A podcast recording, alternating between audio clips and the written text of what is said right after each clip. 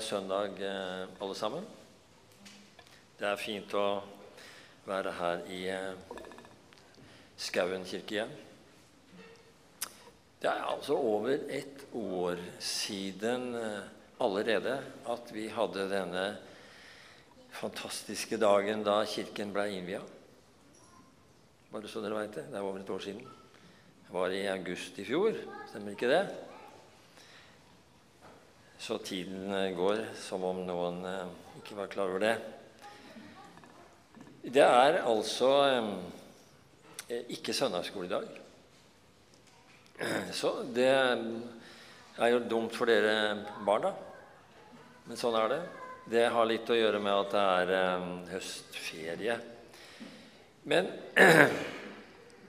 jeg har med meg altså, teksten i dag, som vi eh, snart skal høre. Den handler om at Jesus gjør et utrolig under, et helbredelsesunder, gjør et menneske friskt som man ikke kunne tenke seg skulle bli frisk i det hele tatt. Eh, vi skal se noen Og det gjorde Jesus flere ganger. Ikke med alle, men han gjorde det mange ganger.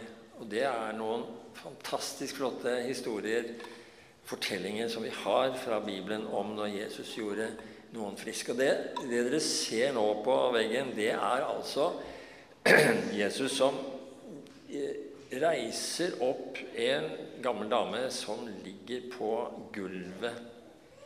Eh, og det er altså svigermoren til Peter. Peter som da var en av eh, Jesu nærmeste venner og disipler og, og hjelpere.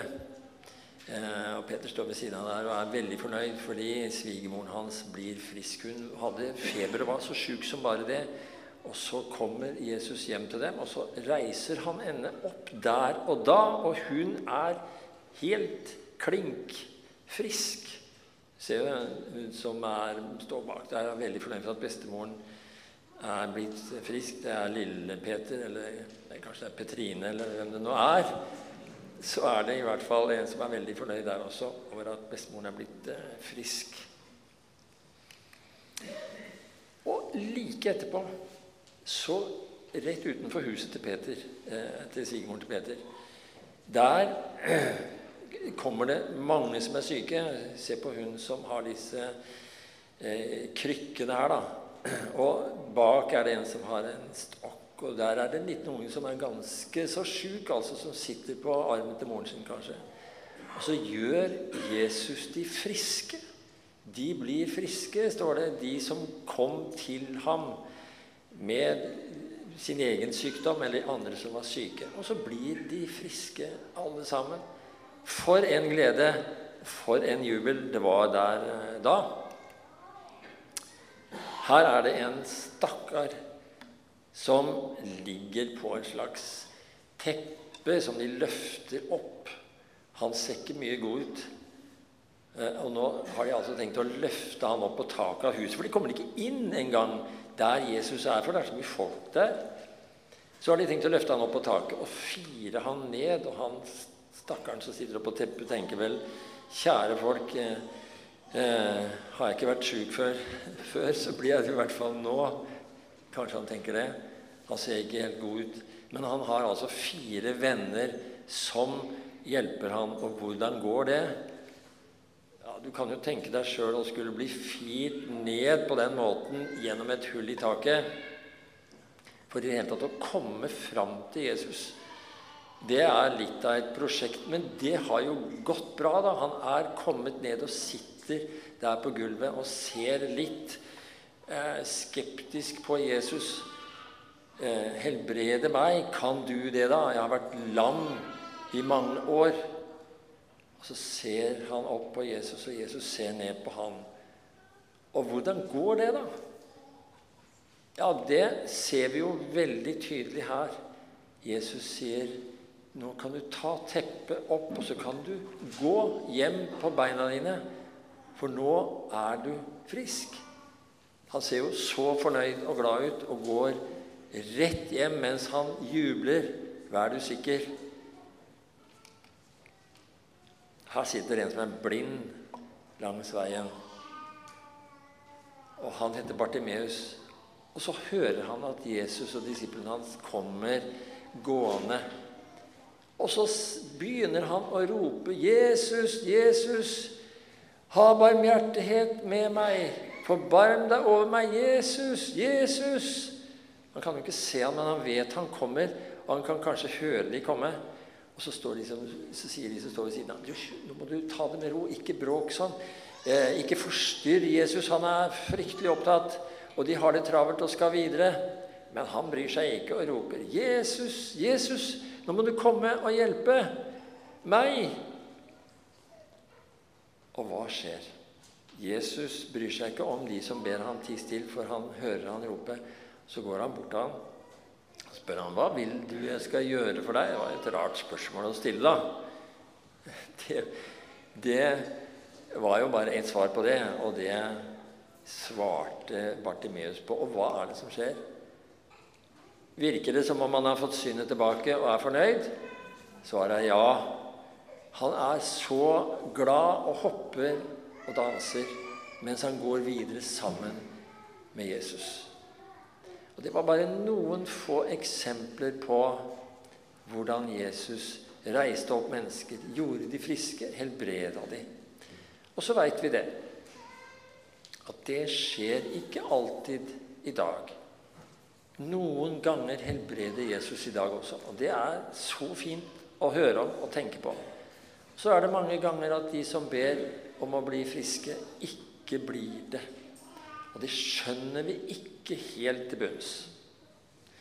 Men det vi vet, og det vi kan tenke på, det er at uansett om vi er syke eller friske, og tror på Jesus, kjenner Han, har Han som vår beste venn, så går Han sammen med oss. Så kan vi gå sammen med Han, akkurat som Bartimeus gjør her nå. Så går han sammen med Jesus videre. Det kan vi tenke på, enten vi er barn eller voksne. Nå kan dere barna gjøre hadde nær sagt akkurat hva dere vil. Om dere vil tegne eller, eller høre på det som jeg skal si videre. Teksten for uh, denne søndagen finner vi hos Markus, evangelisten Markus i det første kapittel fra vers 40, og vi leser i Jesu navn. En mann som var spedalsk kom til ham, falt på kne og ba om hjelp. Om du vil, kan du gjøre meg ren. Jesus fikk inderlig medfølelse med ham, rakte ut hånden og rørte ved ham. Jeg vil, sa han, bli ren. Med det samme var spedalskheten borte, og mannen ble ren. Jesus talte strengt til ham og sendte ham straks bort. Se til at du ikke sier et ord om dette til noen, sa han.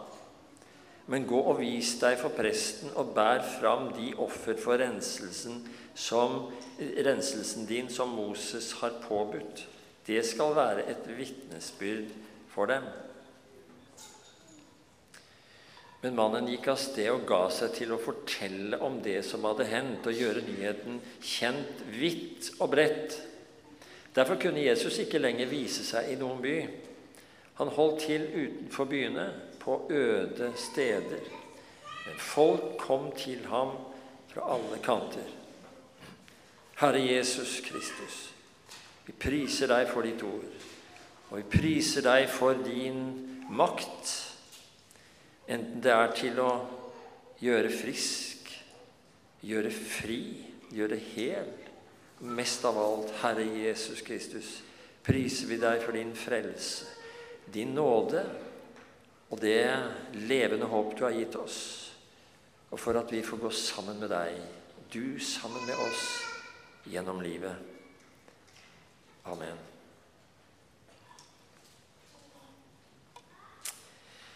En mann som var spedalsk, sto det, kom til ham. Spedalskhet, eller lepra er en forferdelig eh, sykdom. Det var det på Jesu tid, og det er det også i dag. Eh, lepra er mange steder utrydda. Godt er det, men mange steder er den det ikke. Den eksisterer fortsatt i India, i store deler av Asia. Eh, på Madagaskar så, så, vi, så, ser vi lepra fortsatt, spedalskhet, på eh, nært eh, hold. Men da altså ikke som en Stort sett ikke som en smittefarlig sykdom lenger. Nå er det god behandling og medisin å få for spedalskhet, så det går bra. Så er det jo ganske flott å tenke på da, at det var en norsk lege, Gerhard Armauer Hansen, han var fra Bergen, men det får våge seg. Eh, han identifiserte leprabasillen eh, først. Eh, og starta altså kampen mot den. Det, det, var i 1873. Det er ikke sikkert han hadde fått med seg at Delk ble stifta året før. Han var ikke så opptatt av det. Han var opptatt av leprabasillen som han identifiserte. Eh, på, på, de såkalte spedalske koloniene på Madagaskar så, så, møter vi spesielt mange gamle spedalske som bærer så til de grader preg av hvilken fryktelig sykdom de har uh, vært igjennom. Har, mange av de har alvorlige skader, mangler et øre, nesa er borte. Eh, vannsira ansikt, eh, mangler mange eller alle fingre, og ofte går det utover tærne eh, misdannelser og skader. Taler veldig tydelig språk om eh, en forferdelig sykdom. Men, men, de som vi møter da i, på disse stedene eh, på Madagaskar, særlig på spedalske kolonien Mangarano, som har fått et navn gjennom den lange tiden den har eksistert, hvis du fikser et glass vann til meg, Reidun, så hadde jeg vært veldig for, takknemlig for det. De, de, var jo også omtrent verdens lykkeligste mennesker. Ikke bare var de altså fri fra en eh, fryktelig sykdom fordi de var kommet til behandling på et eh, eh misjonssykehus, og de ble friske.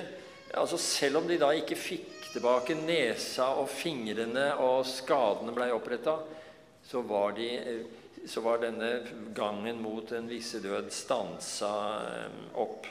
Men de møtte jo ikke bare det. De møtte jo framfor alt kristen tro og kristen omsorg. Eh, og mange av dem har altså et så utrolig sterkt vitnesbyrd om, om hva troen på Jesus betyr eh, for dem.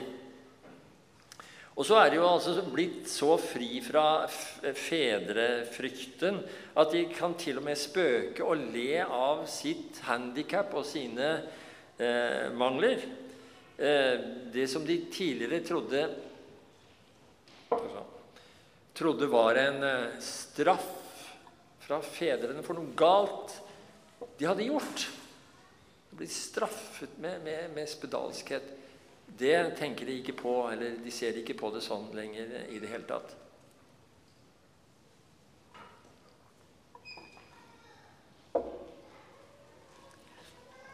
Eh, en av de som er på Mangarano, Jean Baptiste heter han. Eh, vi møtte han da vi var der eh, sist. Et utrolig eh, menneske full av takknemlighet og glede for at han er frisk og ikke minst for troen. Og så sier han altså Holder han oppe handa si sånn Det er det han har igjen av fingeren. Og så ler han. Fem barn har vi. Og så ser vi bare to fingre som stikker opp. Og så ler han hjertelig av det, for han vet jo at det er litt rart. Eh. Men Jesus møter altså en spedalsk som kommer til ham står det. Om du vil, kan du gjøre meg ren, sier han til Jesus. Han kjenner åpenbart til Jesus og har en tro på ham. Ja, hva svarer Jesus til det? Det er ikke rett å ta brødet fra barna og gi det til hundene, svarte han. Nei, han gjorde jo ikke det. Det var jo ikke det han sa. Det var det han svarte en annen som trygla han om hjelp en gang. Underlig, gåtefullt. Ja, svarer Jesus til den spedalske. Jeg vil bli ren. Og med det samme så var spedalskheten borte, og den spedalske var ren. Mannen var ren, står det. Et ufattelig mirakel. Og Da er det jo ikke det minste vanskelig å forstå at eh, mannen på vei hjem bare rant over i gledessjokk eh, og fortalte alle og enhver han møtte på, hva som var skjedd. Altså Han var dømt til et liv i, i nød og smerte, utstøtt, isolert, urein. Men nå altså fri, ren, helt helbreda. Klart han måtte fortelle det til hele verden, selv om han nettopp hadde fått et forbud mot det av Jesus. Ikke fortell det, sier Jesus, uten til, til noen. Men du gå til prestene og, og betal ditt eh, offer. Hva slik det skulle være, hadde altså Jesus sagt. Og det forbudet fra Jesus det har jo selvfølgelig noe å gjøre med at hvis folk fikk vite om helbredelsen og underne, så ville de bare de ville få de til å tenke helt feil om hvem Jesus var. Eh, de ville tenke han var en jordisk konge, og ikke det han i virkeligheten var, en himmelsk frelser.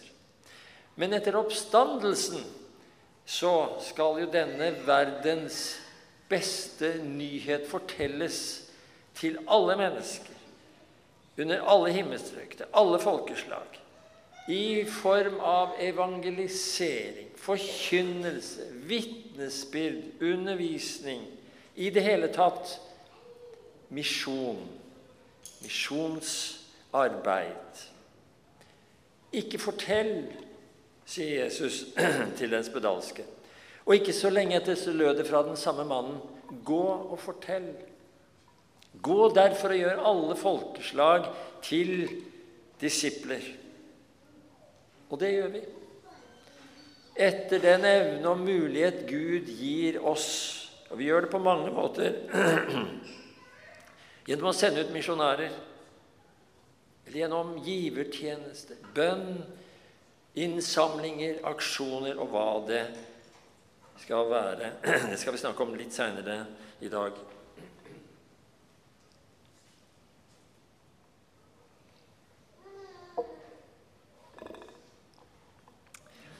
Så leser vi denne fortellingen med takk og glede over denne utrolige helbredelsen. Klart vi gjør det. Klart det fyller oss med takk.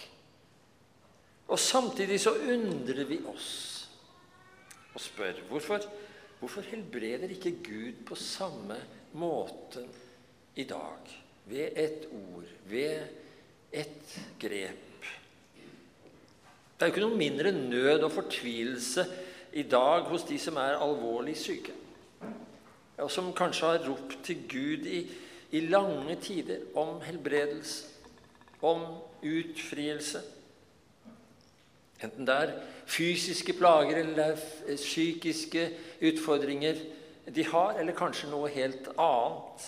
En vanskelig og krevende og forferdelig situasjon de står i, i livet.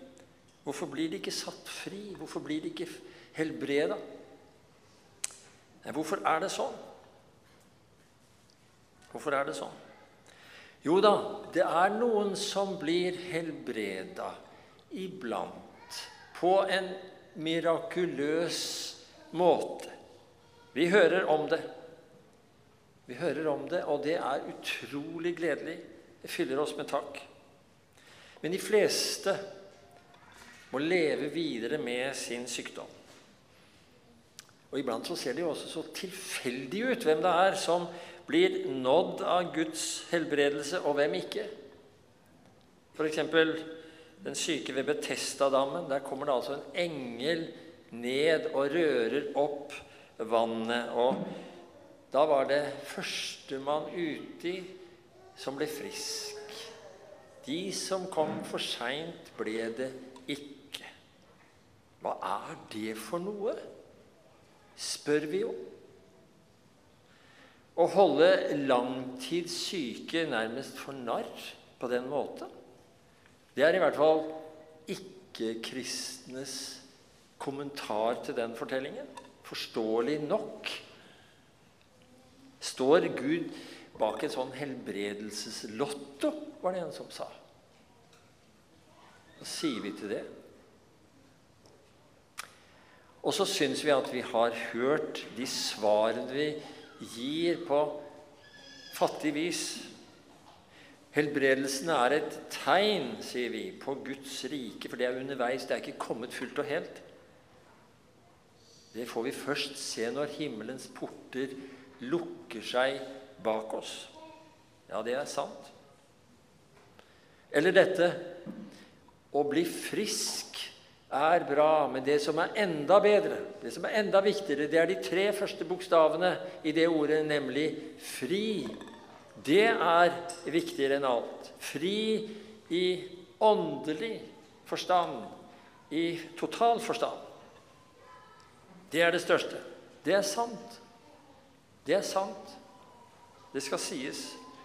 Også dette, vi som troens folk, er aldri blitt lova et liv uten sykdom, uten smerter, uten nød, uten vansker, uten sorg.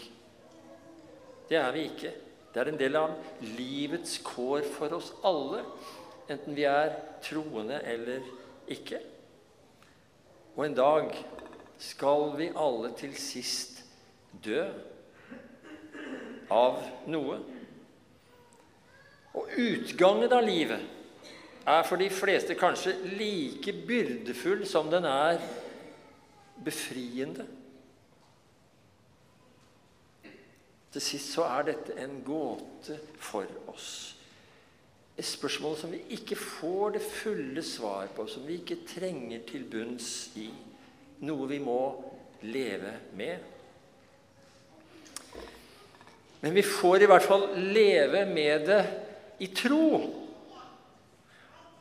Og om det livet i tro også er prega av sykdom, av smerter, av vansker, av et eller annet slag, så får vi i hvert fall leve livet sammen med Han som har gitt oss livet, som har gitt oss troen, og som ikke minst har gitt oss et levende håp.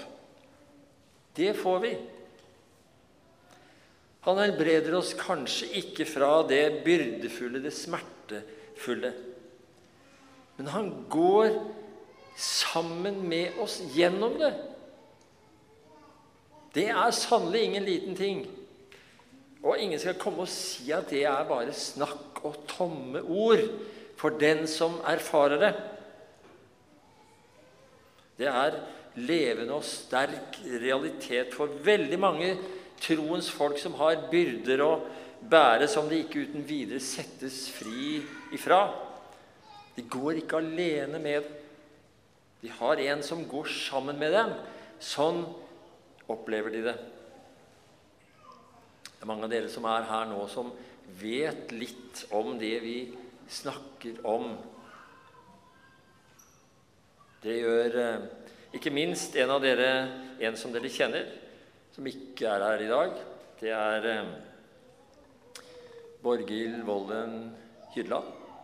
Hun som eh, hun i rullestol, som pleier å være fast eh, her i kirken de aller fleste eh, søndagene. Så var planen at jeg skulle ha en samtale med henne nå i, i prekenen om hvordan hun opplever de tingene som vi snakker om. Hun hadde ikke mulighet til å komme hit i dag, men vi hadde en lang prat på telefon i går, Borghild og jeg. Eh, og jeg fikk lov å sitere henne på noe av det hun delte og sa. Eh, og det var jo å si, eh, Borghild, jeg vet at du følger streaminga nå. og ser oss på skjermen. Så da må jeg selvfølgelig passe litt på hva jeg sier, da, sånn at jeg ikke sier noe som ikke stemmer. Fordelen er jo at du kan ikke avbryte meg. Det som eh, er situasjonen for Borger, er at hun har sittet i rullestol i eh, en årrekke. Snart i 20 år. Hos henne så er utfordringen så synlig og, og tydelig. Hun sitter i en rullestol som alle kan se. Hos andre så er plagen og byrden mer skjult, men kanskje like byrdefull. Borger forteller at hun har både blitt bedt for, blitt salva og har bedt mange ganger, forståelig nok, til Gud om å få bli frisk. Det har hun til denne dag ikke blitt bønnhørt på. Jeg spurte hvordan hun hadde opp, hun opplevde det, at Gud altså ikke syntes å høre henne.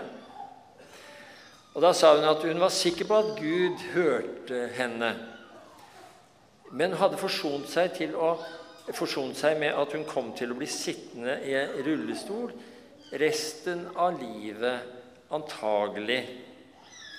Eh, fordi eh, Gud svarte henne ikke helt sånn som hun hadde bedt om mange ganger. Men hun ba også om en annen ting. Og det var at Guds vilje måtte skje også med henne, og ikke hennes egen. Etter hvert så var hun også kommet fram til at hun egentlig var ganske glad og takknemlig for rullestolen. Det var ikke bare en plagsom ting hun måtte ha. Hun trengte den så inderlig. Nå kommer hun seg rundt og ut og ut blant folk, og hun at, følte at hun levde et veldig rikt og meningsfylt liv. Utrolig flott sagt. Og Så sier vi jo ofte at Gud elsker oss, har omsorg for oss, viser sin kjærlighet til oss selv helt ned i hverdagstingene. Og Jeg spurte Borghild hvordan hun opplevde akkurat dette med Guds kjærlighet til henne, der hun altså sitter i en rullestol, lam i beina og, og så nå snart helt lam i armene.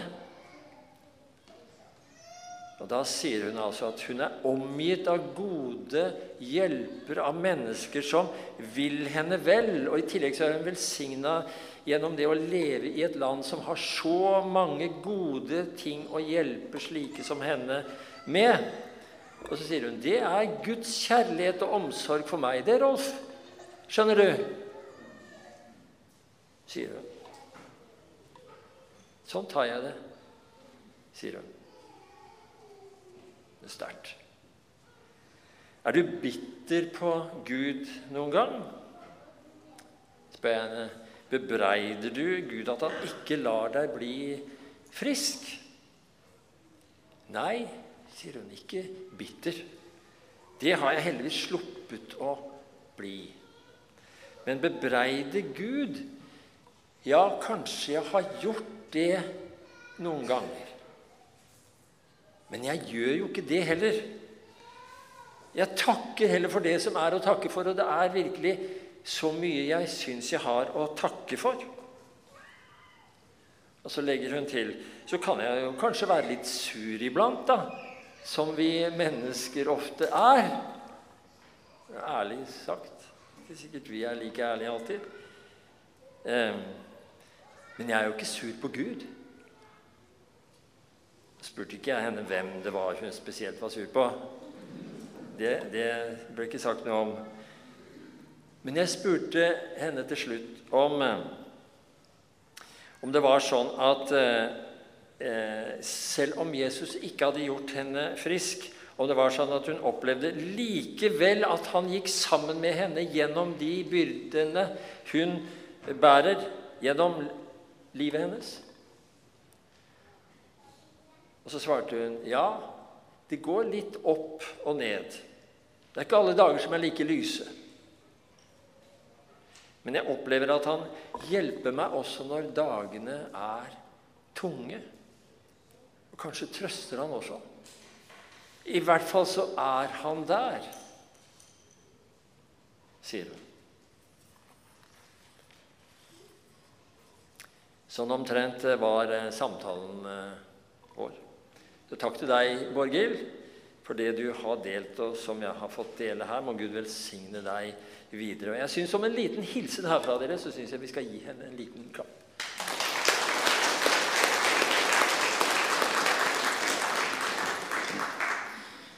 Til sist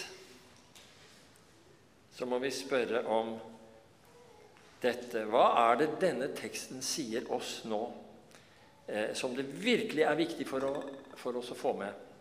Og Det er to ting, ganske kort.